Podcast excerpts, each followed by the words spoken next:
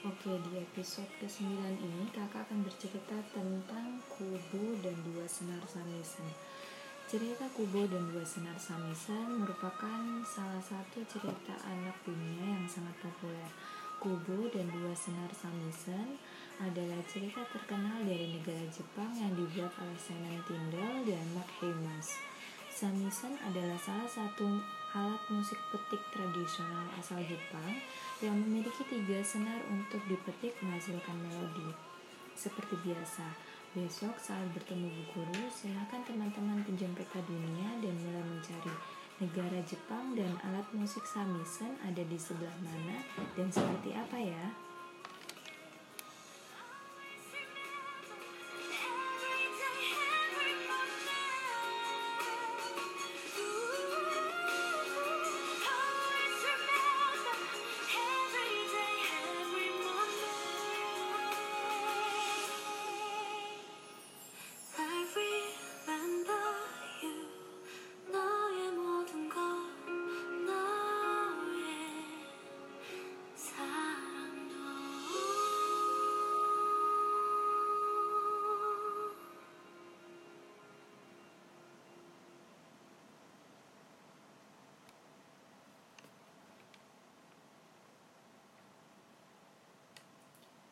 Di Jepang zaman dahulu kala, Kubo yang berusia 12 tahun merawat ibunya Sariatu yang sedang sakit di sebuah gua gunung dekat sebuah desa.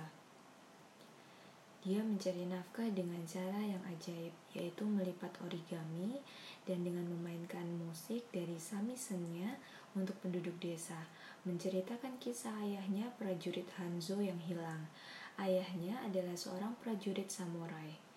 Kubo tidak pernah bisa menyelesaikan cerita karena dia tidak tahu apa yang terjadi pada Hanzo. Dan Sariatu tidak dapat mengingat akhirnya karena kondisi mentalnya yang memburuk. Satu pesan ibunya, memperingatkan Kubo untuk tidak keluar setelah gelap karena saudara perempuannya, Karasu dan Wasi, juga kakeknya, Raja Bulan, yang dulu mengambil mata kubu sebelah kiri ketika dia masih bayi, akan menemukannya dan mengambil sisa matanya. Suatu hari, Kubo mengetahui tentang festival Bon yang akan diselenggarakan di desanya, yang memungkinkan mereka berbicara dengan orang tersayang yang telah meninggal dengan mengapungkan lentera di sungai. Kubo berpikir ingin hadir ke upacara tersebut. Akhirnya Kubo hadir. Tetapi dia marah karena Hanzo tidak muncul dari lentera dan lupa pulang sebelum matahari terbenam. Karasu dan Wasi dengan cepat menemukannya dan menyerang Kubo. Kubo berlari tunggang langgang menuju rumahnya, tetapi dua wanita jahat itu berhasil menangkap Kubo. Sariatu tiba-tiba muncul dan menggunakan sihirnya mengirim Kubo jauh-jauh dari tempat mereka bertarung saat itu. Menyuruhnya untuk menemukan baju besi ayahnya dengan mengikuti petunjuk dari cerita yang sering ibunya ceritakan sebelum tidur.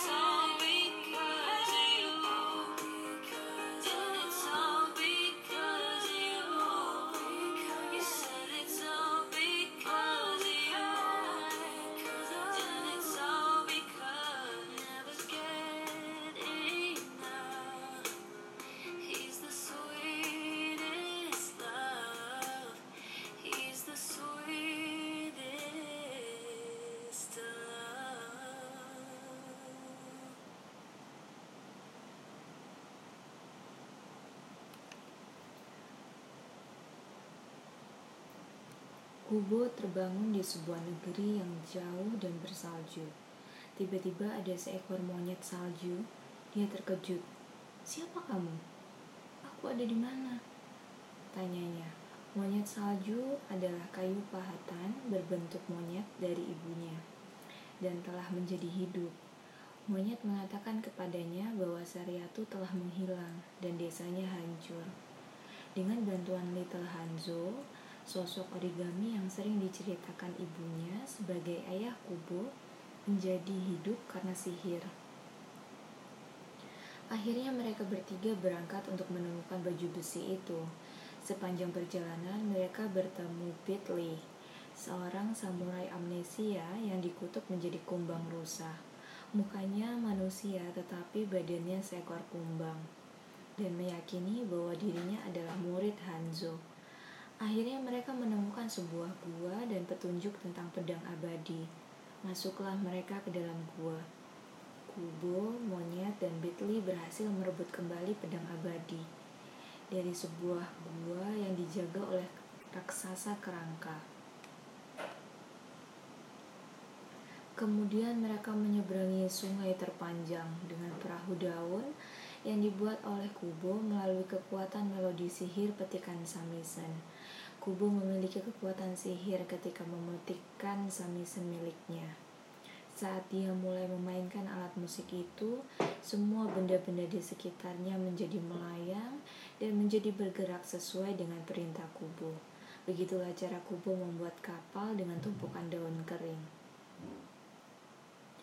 Untuk menemukan baju pelindung perang di kedalaman bawah sungai, Kubo dan Bitli berenang untuk mengambilnya dan bertemu dengan monster taman mata. Monster berbentuk mata, memiliki panjang sulur dan dipenuhi mata untuk menghipnotis korbannya dengan menunjukkan rahasia yang sangat menyakitkan, lalu memakan mereka. Kubo tertangkap di hadapan makhluk itu, tetapi ketika terhipnotis sesaat, ia menyadari bahwa monyet adalah roh reinkarnasi dari ibunya Bitli menyelamatkan Kubo yang tidak sadarkan diri dan mendapatkan pelindung dada. Tetapi saat kembali ke perahu, mereka menemukan bahwa monyet telah terluka parah dalam pertempuran mengalahkan Karasu, wanita bertopeng yang tidak lain adalah adik kembar ibunya. Setelah lelah bertarung, mereka pergi ke pantai untuk memulihkan diri. Monyet yang merupakan jelmaan dari ibu Kubo mulai mengakui bahwa dirinya adalah Sariatu ibunya. Kubo menangis dan memeluk erat monyet yang sedang terluka di bagian perutnya.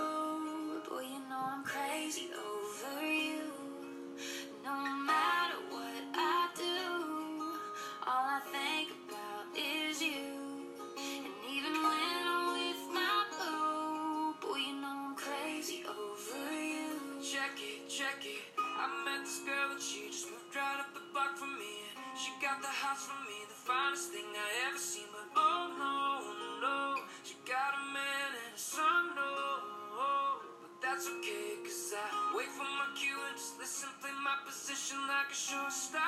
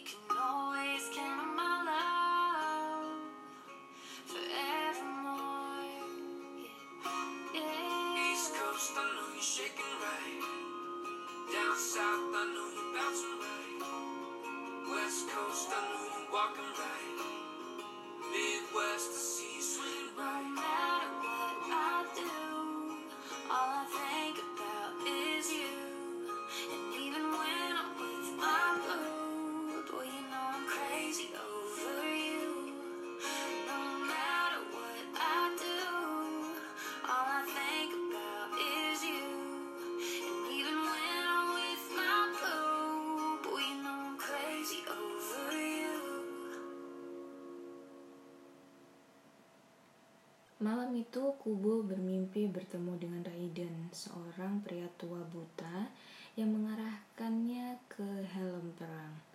Di benteng yang ditinggalkan Hanzo, mereka melakukan perjalanan ke sana pada hari berikutnya. Tetapi terlambat menyadari bahwa itu adalah jebakan yang dipasang oleh Raja Bulan dan Wasi.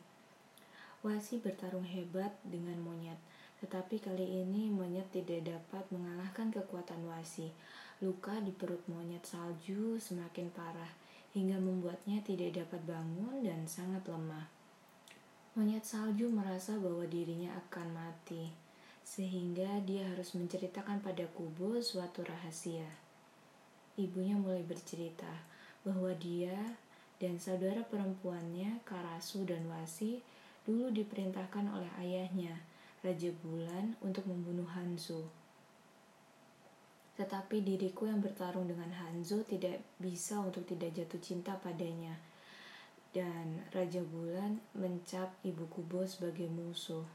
Sedangkan Betley, sang kumbang rusa yang kehilangan ingatan tentang siapa dirinya, ikut mendengar cerita monyet salju, mulai tersadarkan sesuatu yang mengguncang ingatan dan hatinya. Washi tertawa kencang mendengar cerita itu dan mengungkapkan bahwa Betley adalah Hanzo yang mereka kutuk karena mengambil Saryatu dari mereka dan berencana membunuh Hanzo. Wasi muak melihat pertemuan antara ayah dan ibu Kubo dan mulai menyerang dan menembakkan kekuatan kepada Kubo. Namun Hanzo dan monyet salju menghalangi dengan tubuh mereka hingga mereka terpental dan tak sadarkan diri. Sedangkan Kubo menangis dan sangat marah, mengarahkan pedang abadi ke jantung Wasi. Dari belakang, Wasi tergeletak dan tubuhnya lenyap menjadi debu.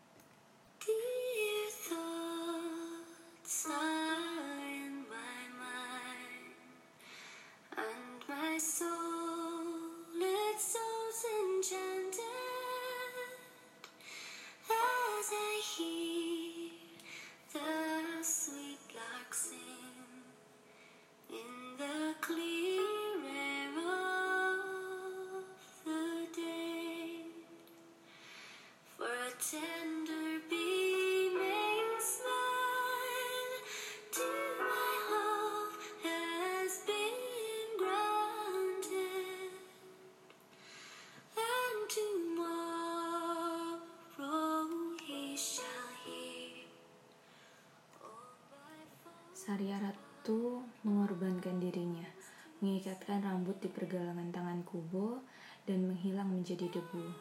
Hanzo, ayah Kubo, yang ingatannya kembali tetapi dalam keadaan yang sangat lemah, memberitahukan kepada Kubo bahwa helm samurai sebenarnya adalah lonceng yang tergantung di desa. Kemudian mengikatkan tali busur alat perang kesayangan ayahnya di pergelangan tangan Kubo. Sang ayah mengembuskan nafas terakhirnya. Dan akhirnya Kubo memutuskan untuk segera pergi ke desa.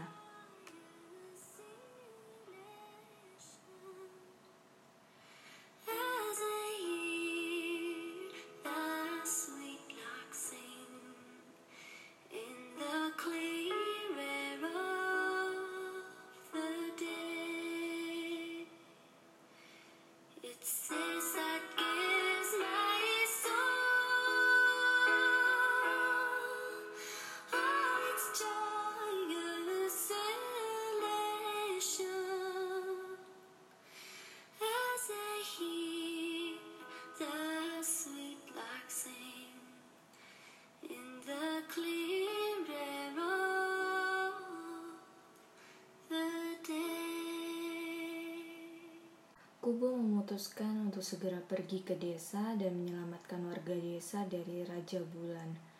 Di desa, Kubo bertemu Raiden, si Raja Bulan. Dia memaksa untuk mengambil mata Kubo yang lainnya untuk membuatnya abadi, tapi Kubo menolak. Raiden berubah menjadi naga raksasa bernama Dun Cleoteus, binatang bulan, dan mengejar Kubo dan penduduk desa yang tersisa.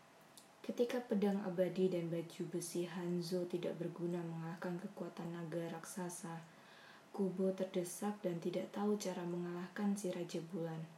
Akhirnya Kubo melepaskan semua senar samisen miliknya dan mengikatkan samisennya menggunakan rambut ibunya, tali busur ayahnya, dan rambutnya sendiri. Dengan instrumen itu dia memanggil roh orang-orang yang dicintai penduduk desa dan menunjukkan kepada Raiden bahwa ingatan dan cinta adalah sihir terkuat dan tidak akan pernah bisa dihancurkan. Kubo dan sihir roh melindungi diri mereka sendiri dan penduduk desa dari Raiden, mengalahkan kekuatannya dan meninggalkannya sebagai manusia tua lemah tanpa ingatan. Kubo tidak membunuh Raiden yang tua dan tanpa ingatan.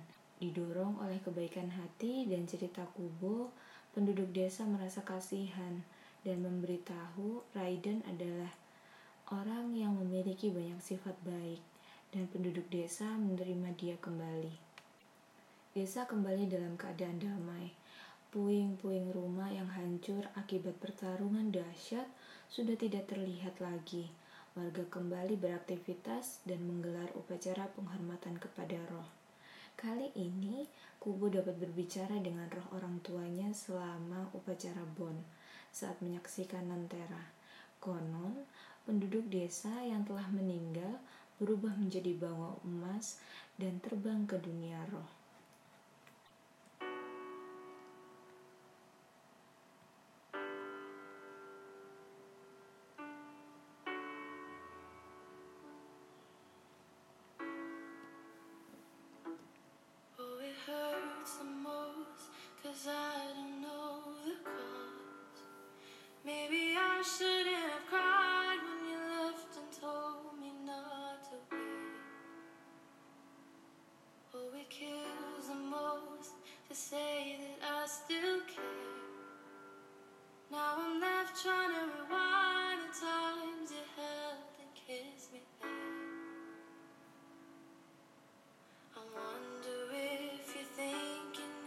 She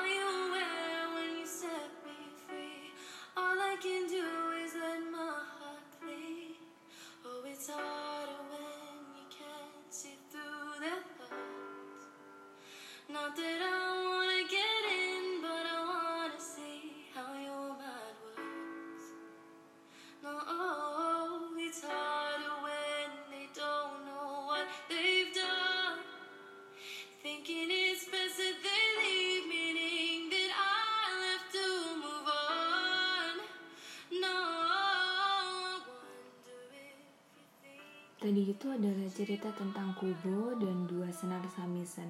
Dari Kubo dan orang tuanya, kita bisa memahami dan mengingat bahwa keberanian untuk mengalahkan ketakutan itu datangnya dari rasa cinta untuk melindungi orang-orang yang sangat disayangi. Sekian cerita dari kakak, terima kasih, selamat malam dan selamat beristirahat.